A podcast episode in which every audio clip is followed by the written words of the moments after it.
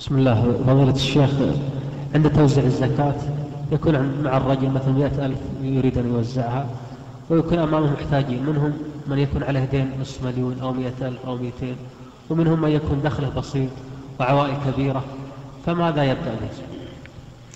آه، البداءة لمن يحتاج.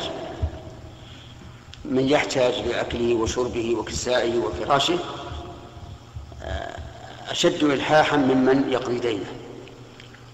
لأن الذي يقضي الدين ربما يتيسر له في المستقبل لكن الإنسان المحتاج إلى الطعام والشراب والكسوة والفراش أهم وأحوج. فيقدم هذا. عفى الله عنك. سمعنا من يقول ولذلك تجد في الآية الكريمة أنه صدقات للفقراء والمساكين ويبدأ بالأهم فالأهم. نعم.